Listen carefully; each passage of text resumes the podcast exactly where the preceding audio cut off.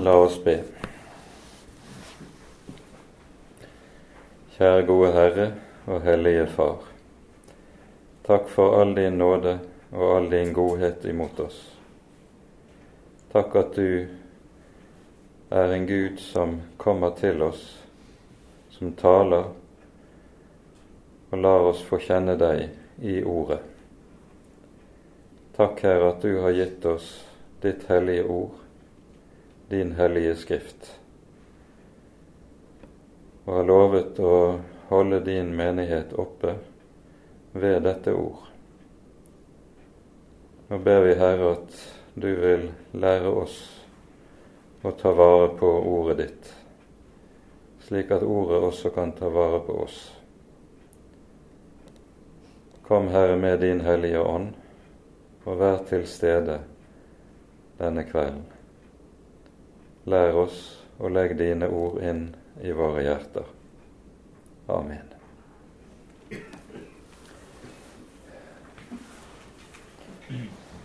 Jeg vet ikke hvor mange av dere som holder avisen Dagen, men eh, de som gjør det, vil eh, ha lagt merke til at på mandag sto det et innlegg av et par av disse som har eh, gått ut av den lutherske kirke og inn i den romersk-katolske kirke, bl.a. Dag Øyvind Østereng. Og Overskriften på innlegget var at uh, uh, den katolske kirkes lære er ikke i strid med Bibelen. Innlegget slutter med at uh, setningen som hevder at det ikke er noe i den katolske kirkes lære som er i strid med den guddommelige åpenbaring. Og eh, for svært mange lesere er det antagelig på det vis at når de leser eh, betegnelsen 'den guddommelige åpenbaring', så er de da ikke oppmerksom på at i katolsk tradisjon så er det betegnelse nettopp på Bibelen og tradisjonen. Tradisjonen er en del av den guddommelige åpenbaring. Hele den, katolske, den romersk-katolske måte å tenke på handler nemlig om at gudsåpenbaringen ikke er avsluttet i Den hellige skrift, men den fortsetter gjennom å gjøre seg gjeldende gjennom den kirkelige tradisjon, slik at den kirkelige tradisjon gir en voksende erkjennelse av og en dypere innsikt i den guddommelige åpenbaring. Dette er eh, helt typisk romersk tankegang.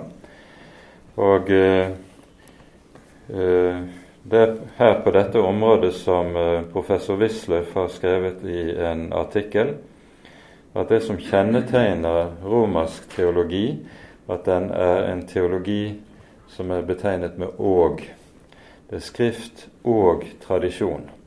Tro og gjerninger. Og sånn kan man fortsette å liste opp.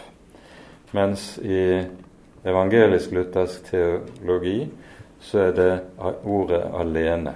Skriften alene. Troen alene. Slik at den lutherske tro og bekjennelse er på en helt annen måte uttrykk for et enten-eller som utelukker det ene dersom den holder fast på det annet. Dette er altså noe av det vi skal se nærmere på i kveld. Og Det første vi skal gjøre, det er at vi skal se litt på det at Bibelen faktisk taler om tradisjon. Bibelen taler om tradisjon, men eh, ord, dette ordet er jo et eh, fremmedord.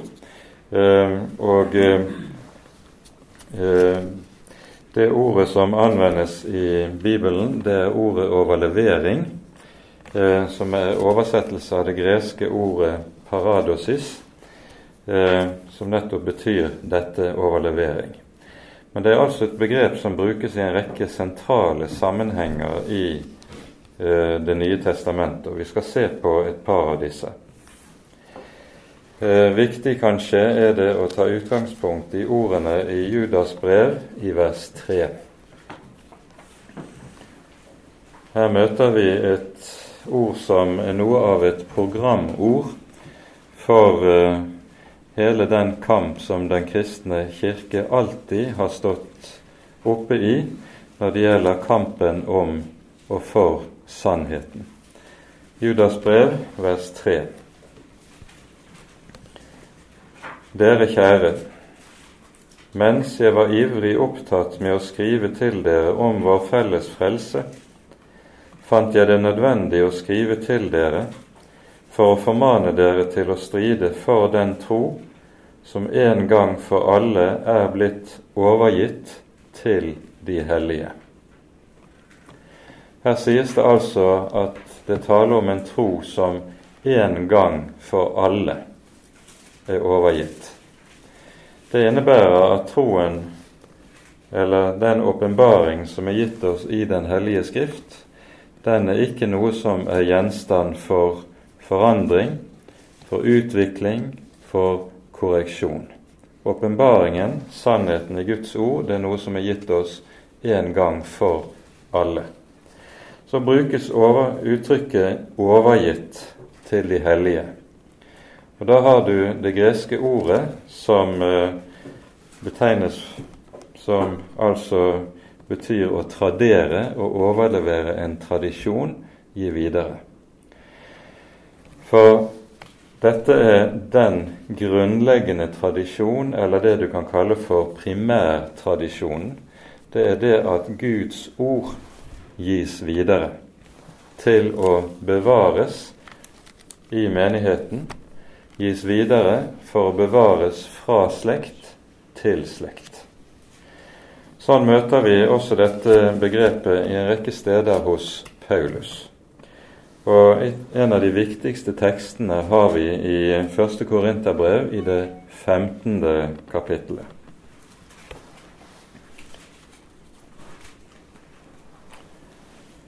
Her leser vi i de første versene.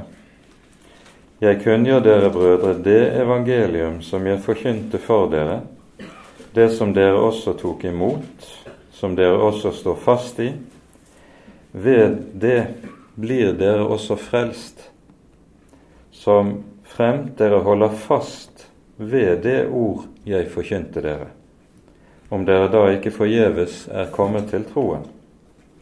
For jeg overga dere blant de første ting det som jeg selv tok imot, nemlig at Kristus døde for våre synder etter Skriftene, at han ble begravet, at han ble reist opp på den tredje dag etter Skriftene, osv. Her i vers 3 så møter vi de to hovedordene som har nettopp med tradisjonsformidling å gjøre. Paulus har mottatt et bestemt budskap, og dette budskapet gir han videre, han overgir det. Og Disse to ordene å motta og å overgi, det er så å si tekniske termer for det vi kaller for tradisjonsformidling. Og hvilken tradisjon er det Paulus gir videre? Det er ordet om Herrens store gjerninger. Det er Guds eget ord, det som er gitt oss i Den hellige Skrift. Dette ble jo til å begynne med overlevert muntlig. Jesus og apostlene hadde Det gamle testamentet som det Guds ord som de eide. Og når Jesus underviser disiplene, så underviser han disiplene på en sånn måte at han legger nøye vekt på at de lærer hans ord utenat. Dette er bakgrunnen for at Jesus gjentar eh, de helt sentrale sannhetene på ny og på ny for disiplene, nettopp for at de skal lære det utenat. Og som ord som er lært utenat, skal det leveres videre. Og sånn er det at ordet fra Jesus og apostlene eh, etter noen år så skrives ned av evangelister og apostler i det som er blitt Det nye testamentet, og som vi har å forholde oss til. Og så sier, sier, Paulus i denne sammenheng, og det legger vi merke til når det gjelder måten han ordlegger på, han sier at vi blir frelst ved å ta vare på dette ord. Ikke ved å finne på nye ting som menneskene av i dag veldig ofte gjerne ønsker seg.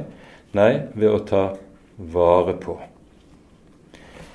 I eh, det ellevte kapittelet i første Korinterbrev møter vi også de samme, det samme begrepsparet. Og da i en veldig betydningsfull sammenheng, nemlig når det handler om nadværinnstiftelsen og hvordan denne skal foregå i menighetene.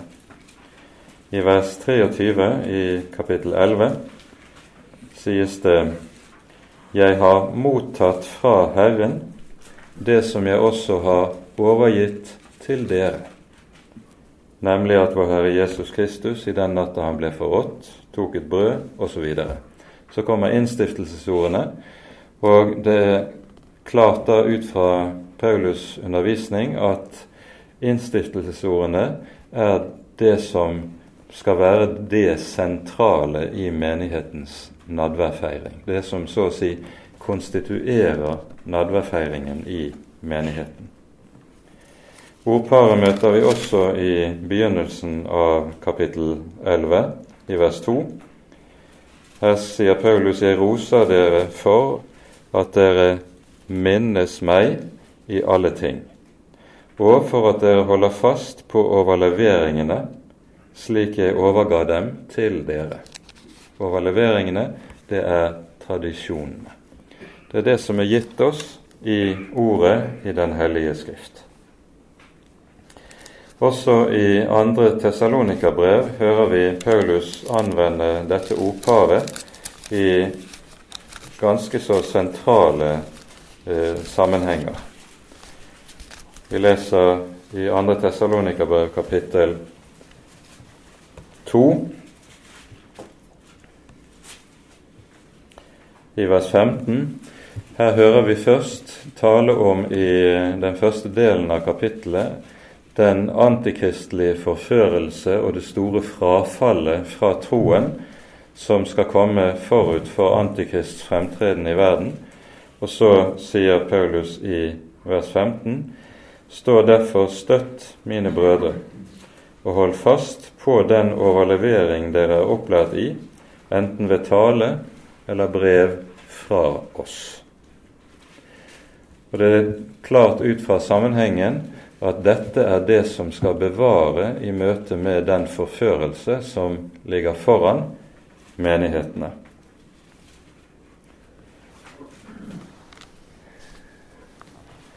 Vi ser altså at dette ordparet har en ganske sentral rolle.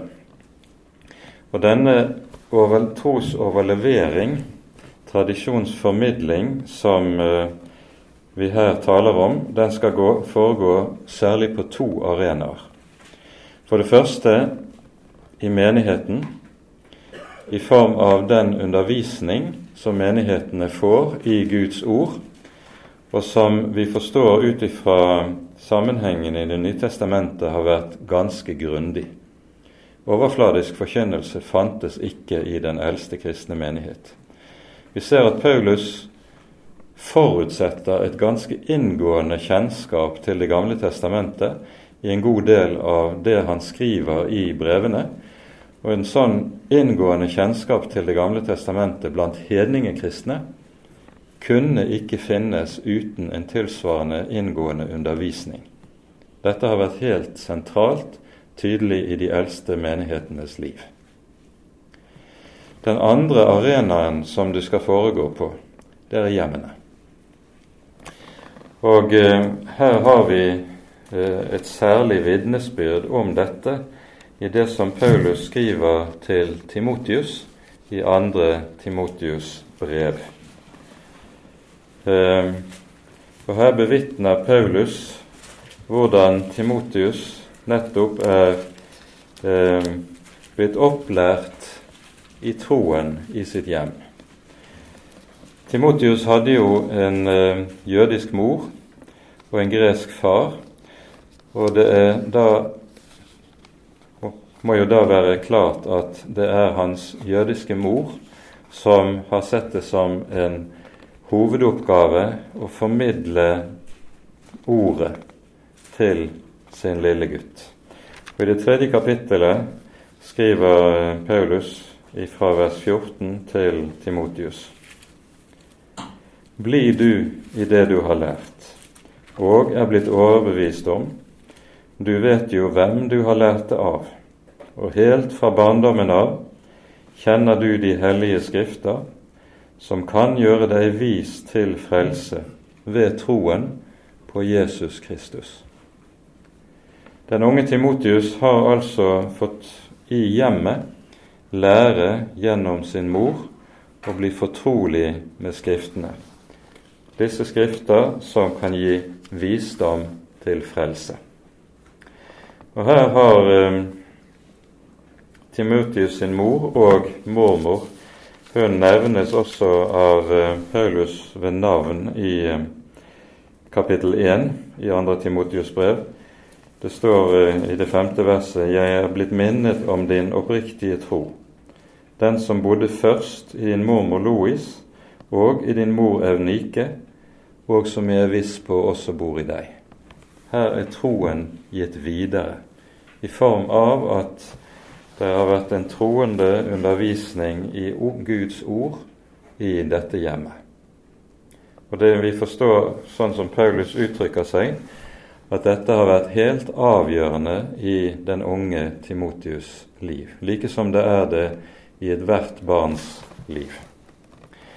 Det som ligger som noe av en hjørnesten under denne måten å tenke om hjemmet på, det er sagt allerede i forbindelse med Abrahams historie i Første Mosebok. Og vi tar oss tid til å lese fra Første Mosebok 18. Noe av det som jo er det vi kan kalle for den røde tråd i Abrahams liv, det er jo løftet om Sønnen. Dette løftet som var gitt til Abraham, som var gammel av dage og barnløs, like som Sara, hans hustru. Og Dette løftet er altså en rød tråd gjennom Abrahams historie. Så i kapittel 18, når Abraham er 99 år gammel, så gjester Herren Abraham, og eh, Abraham får fornyet løfte, og nå helt konkret ved denne tid neste år skal Sara ha en sønn.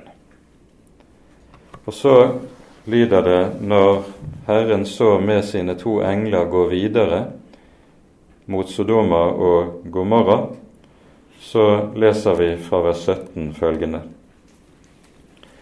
Da sa Herren, skulle jeg vel skjule for Abraham det jeg er i ferd med å gjøre. Abraham skal jo bli et stort og mektig folk, og i ham skal alle jordens folk velsignes. Jeg har utvalgt ham for at han skal befale sine barn og sitt hus etter seg, at de skal følge Herrens vei og gjøre rettferd og rett, slik at Herren kan la Abraham få det han har lovet ham. Her ligger det altså som en del av kallelsen dette, denne befaling om å undervise etterkommerne. Og nettopp dette poenget er noe som eh, eh, konkretiseres veldig, særlig i forbindelse med fortellingen om utgangen av Egypt i 2. Mosebok 12 og 13, der vi hører Gud innstifter minnemåltidet og sier når din sønn da spør deg hvorfor sånn og sånn, da skal du svare. Så legges det inn konkret sånn og sånn skal det gjøres i hjemmet i forbindelse med dette, for at Herrens gjerninger og Herrens ord ikke skal glemmes. Dette er altså noe av hvordan Bibelen taler om tradisjonsformidling. Og når vi ser på Det nye testamentet, så er det i øynefallende noe som eh, eh, svært mange moderne mennesker ikke er oppmerksom på. Og det er at verken Jesus eller apostlene ønsker å komme med noe nytt i forhold til Det gamle testamentet. Tvert om er det slik at både Paulus og Herren Jesus insisterer på at det budskap de forkynner, ikke er noe annet enn utleggelse av og utfoldelse av det som allerede er gitt i Det gamle testamentet. Særlig eh, sies dette uttrykkelig når Paulus forhøres etter at han er fengsles. Vi leser i apostelgjerningene kapittel 26.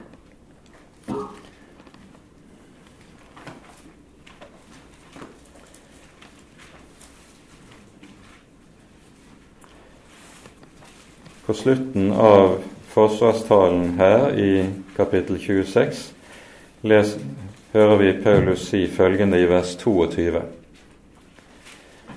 Så har jeg da fått hjelp av Gud og står til denne dag og vitner både for liten og stor, at jeg ikke sier noe annet enn det profetene og Moses har sagt skulle skje.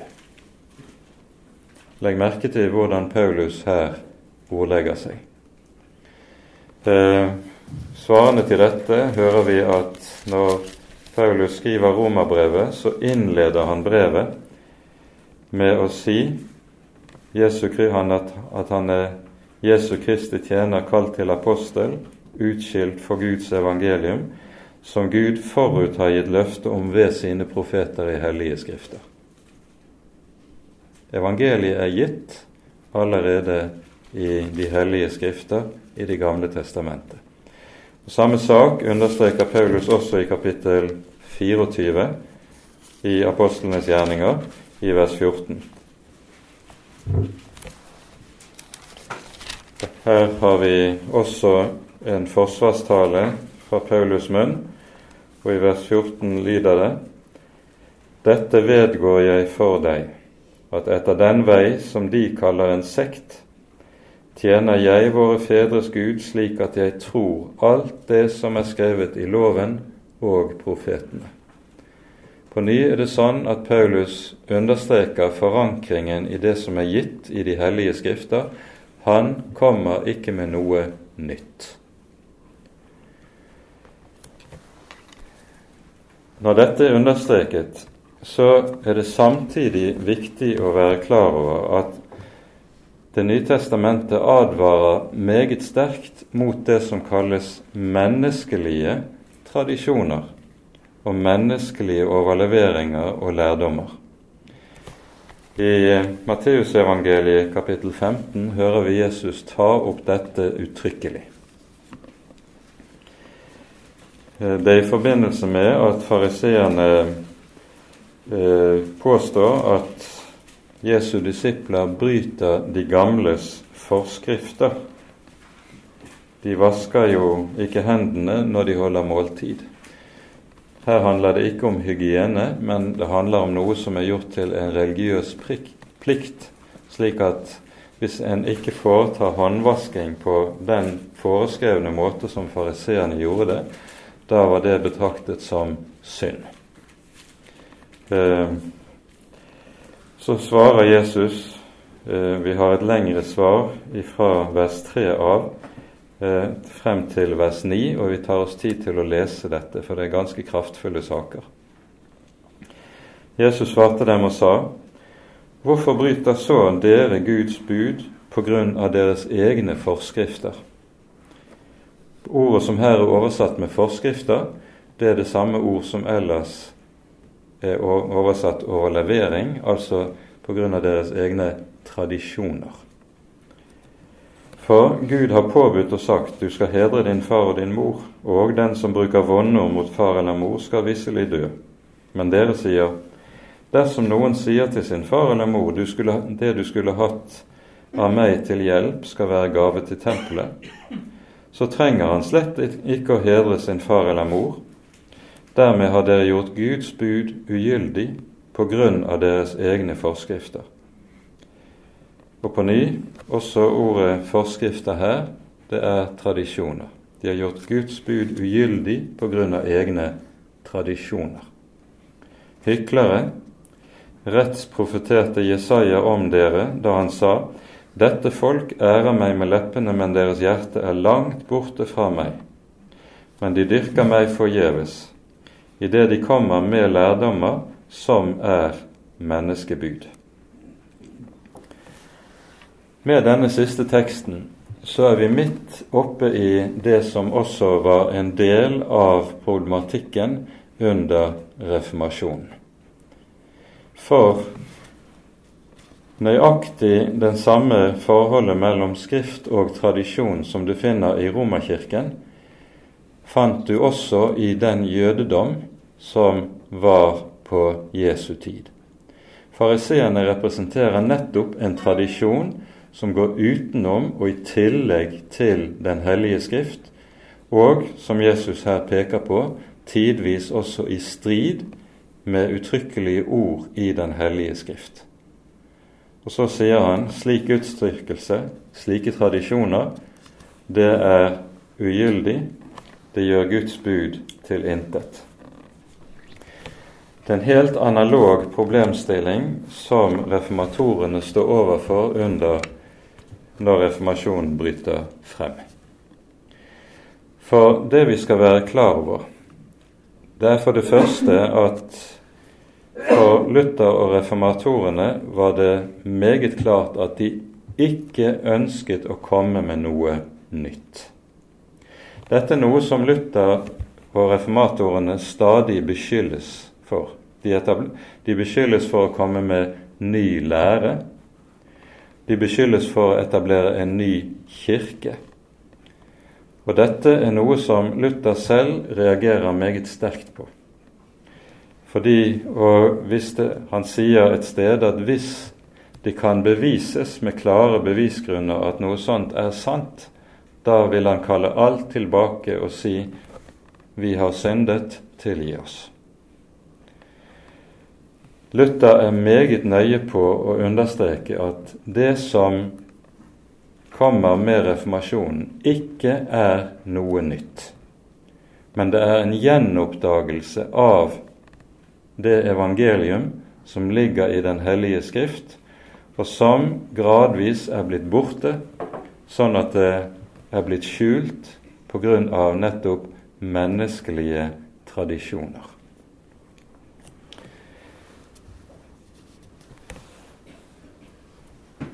Og så får vi da oppgjøret med den katolske måten å tenke om tradisjon på. Eh, allerede på Luthers tid så hadde tradisjonen samme status som Guds ord hadde. Men dette var ikke noe som var kodifisert i form av kirkelige dogmer eller kirkelig lov. Det skjer først når motreformasjonen begynner. Og Motreformasjonen tar til i 1545 med det som kalles konsilet i Trent, Tridentina-konsilet, som var samlet under tre eh, perioder og under 25 sesjoner. Og under den første perioden, fra 1545 til 1548, hvis jeg husker rett, eller 47, så eh, tas bl.a. spørsmål om forholdet til tradisjonen opp. Og Her kodifiseres dette som senere er kirkelig lov i den romersk-katolske kirke. Her sies det, jeg siterer, den guddommelige sannhet må søkes av to kilder, Den hellige skrift og tradisjonen. Og, sies det videre, Kirken ærer Skriften og den skrevne og uskrevne tradisjon med like stor pietet og ærbødighet. Dette innebærer at det kirkelige embetet har denne myndighet at tradisjonen den stilles på linje med Den hellige skrift, og legemliggjøres i pavens embete. Så når denne utviklingen av tradisjonsdogmen når sitt mål i 1870 under det første Vatikankonsil, da vedtar eh, konsilet dogme om pavens ufeilbarlighet. Den katolske dogmeutviklingen er dermed ufeilbarlig. Paven er ufeilbarlig når han uttaler seg i lærespørsmål. Og eh, den daværende pave, Pius 9., kan si helt enkelt og likefrem tradisjonen, det er jeg. Og så sies det om Kirkens myndighet i forhold til dette. Det er Kirkens sak å bestemme om de hellige skrifters mening og tolkning, hvilket skjer. Det som da har skjedd i den katolske lære, læreutviklingen, er jo at etter hvert er det vedtatt dogme etter dogme som ikke har grunnlag i Den hellige skrift. Allerede på det samme konsilet i 1870 så ble dogme om jomfru Marias ubesmittede unnfangelse vedtatt.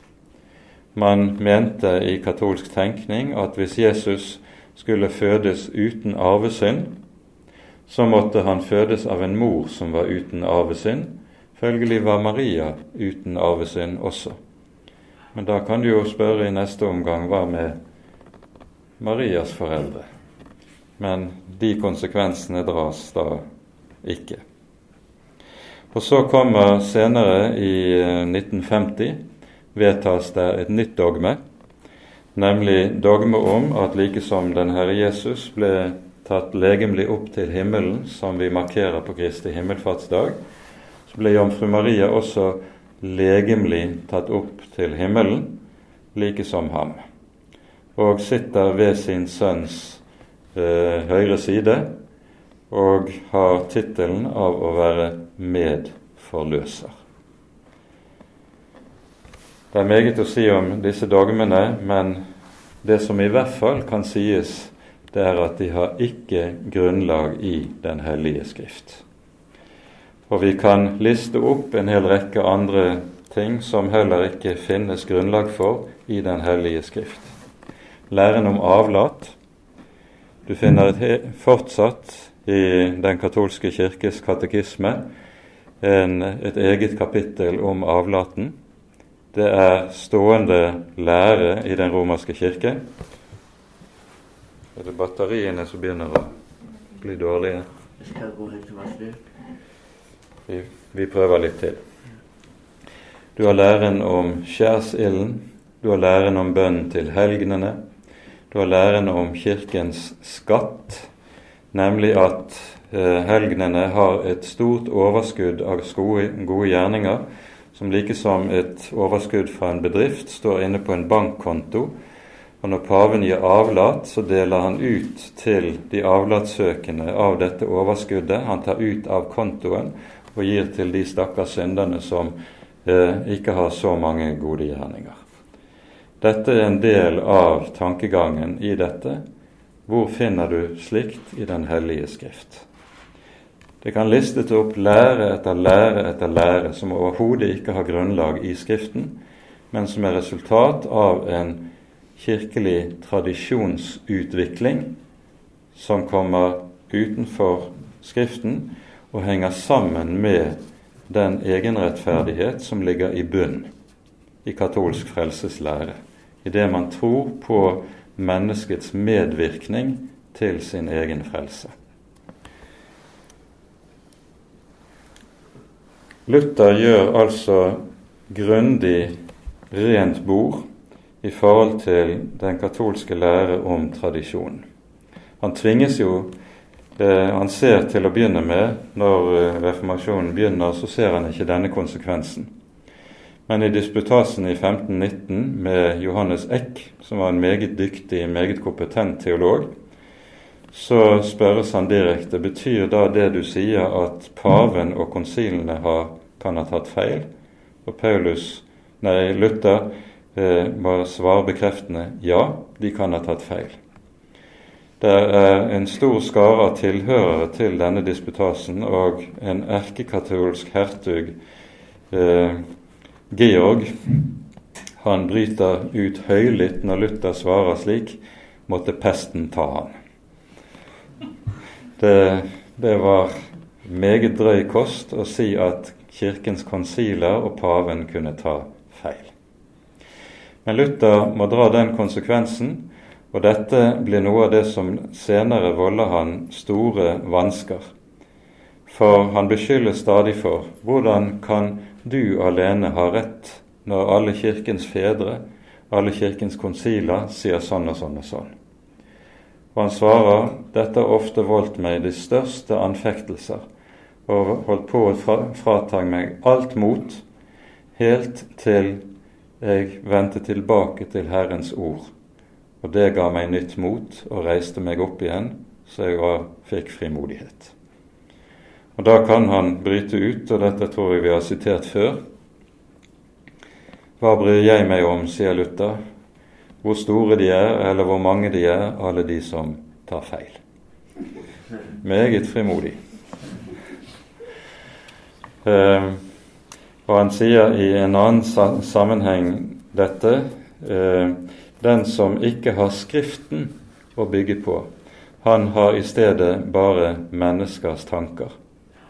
Den som ikke har kalk å mure med, han må mure med møkk på ny Luthers meget fargerike språk, men sånn er det han taler om tradisjonen slik den har utviklet seg på, i senmiddelalderen. Når Luther taler om dette senere i de smalkaldiske artikler, så sier han disse ordene som er blitt kjent og blitt stående som noe av et valgspråk for de lutherske kirker. Den hellige skrift skal oppstille trosartikler, ellers ingen. Og I det ligger det en radikal avvisning av uh, tradisjonens betydning og tradisjonen som autoritet og åpenbaringskilde.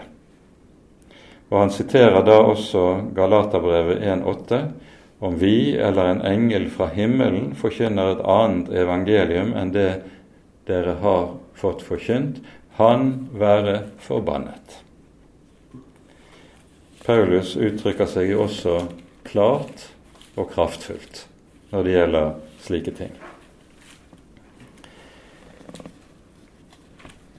Nå er det imidlertid sånn at disse to tingene som vi nå har pekt på Luther ønsket ikke å komme med noe nytt samtidig som han avviser den katolske tradisjonsforståelsen. Det kan oppleves som noe av eh, en motsetning, eller som noe som er spenningsfylt. Og Vi skal være oppmerksom på at Luther var meget nøye på ikke å opptre som revolusjonær. Dette kommer klart for dagen, særlig i møte med svermerne. Og Den første svermeren som Luther får å gjøre med på alvor, det er Karlstad, som var Luthers eh, støttespiller og følgesvenn. Karlstad var også professor i Wittenberg, men han bikker over og blir etter hvert så radikal at han slutter seg til svermerbevegelsen.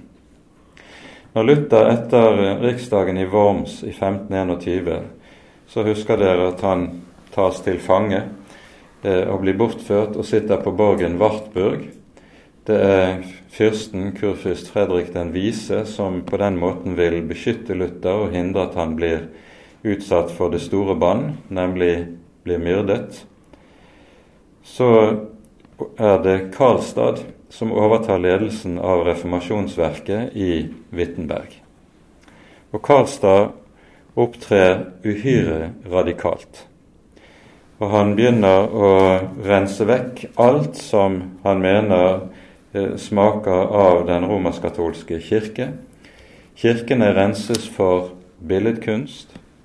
Kirkene renses for Man tar bort hele liturgien. bort med presteklær, bort med alle de gamle skikkene og tradisjonene i Kirken.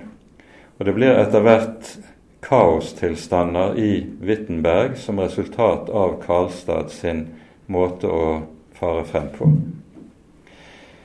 Luther får høre om dette og sitter på Wartburg og blir mer og mer bekymret.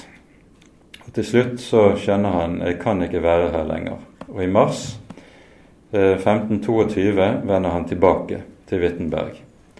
Og når han kommer, så holder han det faste tid. Så holder han åtte gudstjenester, åtte kveldsgudstjenester på, på, i strekk der han holder åtte prekener som er blitt meget berømte. De kalles for invokavit-prekenene.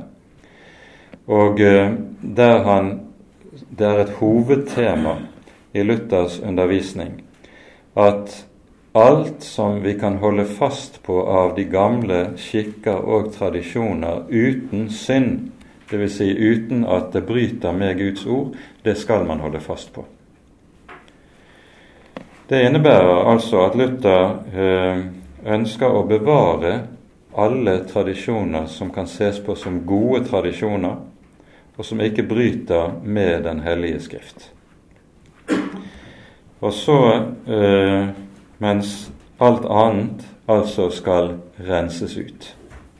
Dette fører jo så til at det går bare ett år, så kommer det en ny gudstjenesteliturgi.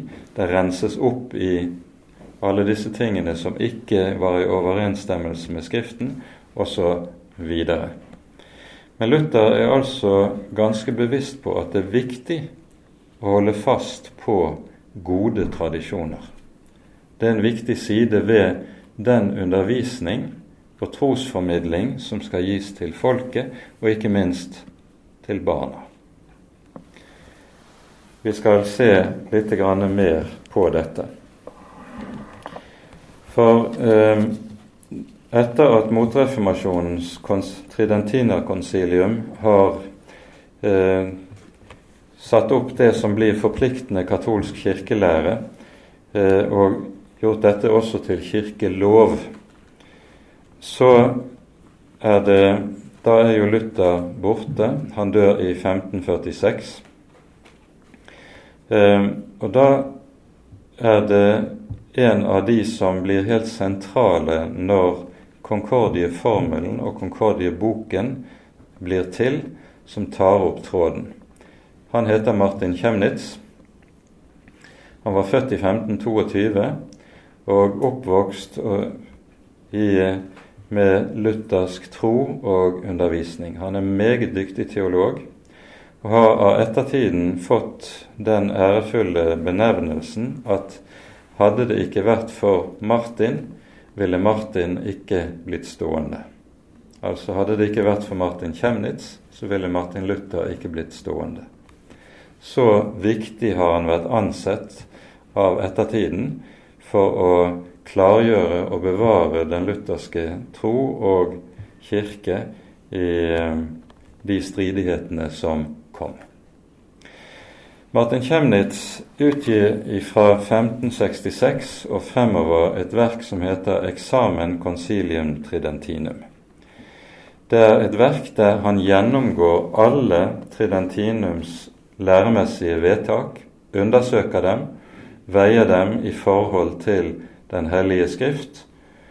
Han er meget saklig, meget nøyaktig og meget skarp i sin analyse. Mens Martin Luther jo kan være uhyre grov og særdeles usaklig i en del av det han skriver. I dag ville Luther ikke kunnet eh, bli tatt på alvor, sånn som han ofte uttrykker seg, så uh, usaklig som han kan være etter våre målestokker. Så er Martin Kjemnes det stikk motsatte. Nesten kjedelig, vil mange si men uhyre klar, skarp og veloverveiet. Han har en, et eget kapittel der han undersøker alle vedtakene som dreier seg om Kirkens tradisjon tra, fra Tridentina-konsilet. Og noe av det viktige som Kjemnitz gjør, det er at han klargjør hva ligger i begrepene. Hva betyr de ulike ord og begreper? Hva mener man med andre ord når man bruker ordet tradisjon? Så lister Kjemnitz opp åtte ulike betydninger av ordet tradisjon. Og av disse åtte så sier han at vi som lutheranere vi kan akseptere syv av disse. Uten å gjøre synd og uten å handle imot Den hellige skrift og samvittigheten. Det er bare den åttende betydning, nemlig dess tradisjonen blir åpenbaringskilde og får autoritet på linje med Den hellige skrift, da er det vi sier nei, det er forkastelig. Eh, de som vil, de kan eh, prøve å sette seg inn i dette. De eh, Chemnitz sin eksamen, som boken ofte bare forkortes, boktittelen ofte forkortes til, den er tilgjengelig. Eh, I kortform er det gjort rede for dette i en artikkel av eh, Fredrik Sidenvall som kom fra noen år tilbake, og som har ligget på FUV sine nettsider gjennom en del år. Det er veldig klargjørende og veldig viktig. Poenget er altså at Luther ikke er rev, en revolusjonær. Han rykker ikke alt opp med rot. Han vet at han står i en historisk tradisjon som er viktig å ta vare på. Og samtidig må han gjøre opp med alle de avvik og avveier som har dukket opp gjennom Kirkens historie. Hvis vi skal hoppe til vår egen tid, så husker en del av dere at uh, vi for en del år siden formidlet denne boken av Bo Gjerts og anbefalte den lesning av denne. Vår arv vi kjennes ved. Den er et opptrykk fra, i Dan Danmark fra 1996, men det er opprinnelig Bojert sitt hyrdebrev fra da han ble innsatt som biskop i Göteborg stift i 1949. Da skriver han altså dette hyrdebrev, som sendes til alle stiftets prester og menigheter. Og her er det uhyre mye verdifullt stoff. Eh, det Bogerts eh, peker på, det er at vi er ikke som kristne uten arv. Det er ikke opp til vår generasjon å finne opp kristendommen på nytt. Det var det Karlstad ville gjøre med sine revolusjonære aktiviteter i Wittenberg. Det er det svermerne alltid har villet gjøre, men det er det den lutherske kirke aldri har gått inn på. Så peker Bo Gjertstad på at vi har tre perioder i Kirkens historie som har gitt oss en arv som er helt avgjørende for oss å ta vare på. Han sier disse tre periodene det er for det første Oldkirken, for det andre reformasjonen, og for det tredje de vekkelser som gikk over Norden på 1800-tallet. Fra Oldkirken er det bevart to tradisjoner som er avgjørende å holde fast ved. For det første gjelder det trosbekjennelsene. Den apostoliske og den nikenske trosbekjennelse står jo ikke i Bibelen. Men de er sammenfatninger av Bibelens budskap i meget konkret form og meget konsis form. Um, og er noe som vi som kristne mennesker tar vare på, og som hjelper oss til å bli bevart i troen. Det andre som Bo Gjerts peker på, det er liturgien. Liturgien hadde riktignok gjennomgått justeringer og reformer oppover gjennom århundrene, men ryggraden i den, den basale ryggrad, er den samme helt tilbake til urkirkens dager. Og Derfor har vi disse såkalte fem klassiske leddene i kirkens liturgi, som går tilbake til urkirken. Det er Kyrie og Gloria, som synges ved gudstjenestens innledning. Det er credo, som altså er trosbekjennelsen, som også gjerne har vært sunget. Og så under nadverliturgien Agnus, Guds lam, og Sanctus, eh, hellig, hellig. Og så kan vi gjerne føye til til slutt velsignelsen ved gudstjenestens avslutning, benediktus. Disse leddene har hørt med som en fast del av Kirkens liturgi og vært ryggrad i Kirkens liturgi helt fra urkirken av. Så har det vært en mengde påbygg og tilbygg og ting som stadig har vært justert oppover gjennom århundrene, men der har du på en måte en mal. Dette har vi også i vår liturgi. Og dette er tradisjon som hjelper oss til å bli bevart. Og det hjelper menigheten til å fordypes i troen. For her er det tale om at med, disse ordene så synger og ber menigheten dette hver søndag. Kan det utenat. Og når man etter hvert kan ting utenat og gjentar det i bønn under gudstjenesten, så fordypes dette, og den kristne erkjennelse vokser gjennom denne stadige gjentagelse. Fra reformasjonen har vi de reformatoriske bekjennelsene. Det er også tradisjon. Det er noe som ikke eh, står som hellig skrift, men som kommer som en sammenfatning av Skriftens lære om hvordan et menneske blir frelst. Det var jo slik under oldkirken at de oldkirkelige bekjennelsene de ble til under stridighetene rundt spørsmålet om hvem er Jesus Kristus. Og hele den gamle kirke faller ned på bekjennelsen han er Gud og mann, forenet i én og samme person. Og det er dette de oldkirkelige bekjennelsene setter ord på. Under reformasjonen så er spørsmålet hvordan blir et menneske frelst? Og så er det dette som gis oss gjennom skriftene fra reformasjonsårhundret. Og går vi så videre til vekkelsene på 1800-tallet, så har vi en aktualisering av budskapet fra reformasjonen som eh, gir en klarhet i troen og en fornyelse av troslivet i våre land som er umulig å overse verdien av. Dette er en arv, skriver Bojerts, som hører med til tradisjon, og som er helt avgjørende å ta vare på i en ny tid. Det som vi kanskje kan sammenfatte en del av dette med, det er en iakttagelse av hva tradisjon faktisk betyr, der hvor det taler om sunne, sanne og gode tradisjoner. For det første dette har vært skrevet av eh, en rekke sosiologer som arbeider med disse tingene.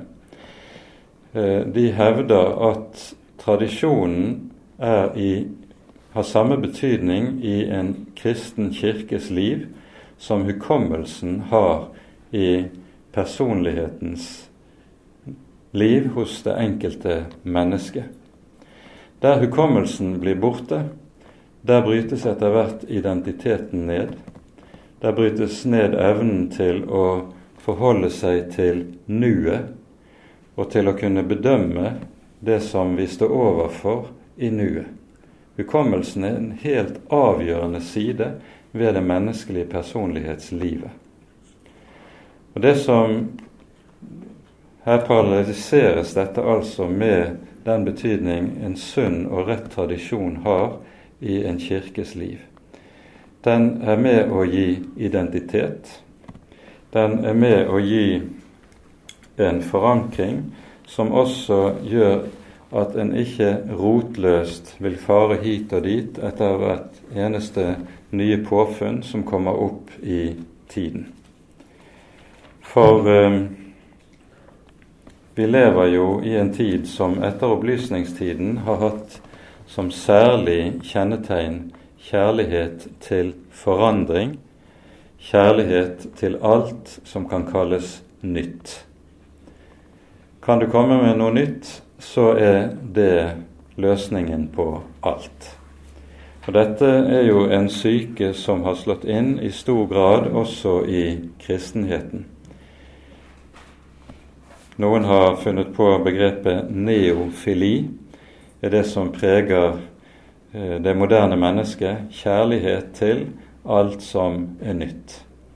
Mens tilsvarende blir alt som er gammelt, det blir noe som automatisk har et negativt stempel ved seg, og som man trygt kan overse og forkaste utelukkende i kraft av at man mener det er støvet ned. Her er det slik at tradisjonen, det er det å ta vare på tradisjonen, det er noe som i høy grad da står i strid med hele den moderne neofili, men som likevel er noe som nettopp gir hjelp til rotfestelse, hjelp til å bevare en sunn identitet, og gir hjelp til også å bevare en god dømmekraft i møte med alt det forvirrende som møter oss i moderniteten. Det kunne være mye å si til dette, men nå går tiden vel utover alle grenser, og vi skal kanskje etter hvert sette punktum. Men vi understreker dette som på ny og på ny eh, gjentas både av Herrens apostler i Det nye testamentet, og som Jesus også minner oss om. Bli i, ta vare på, det er sentrale ord i Det nye testamentet når det handler om forholdet til sannheten, forholdet til det som er oss overgitt, og sunne og gode tradisjoner. Det er nettopp en hjelp til dette. I tillegg bør det kanskje også tilføyes at gode tradisjoner i hjemmet helt, eh, kan være helt avgjørende i forhold til formidlingen til barna til en oppvoksende slekt. Men det får være et eget kapittel ved en senere anledning. Med det får vi sette punktum. Ære være Faderen og Sønnen og Den hellige ånd, som var og er og være skal, er en sann Gud, høylovet i evighet. Amen.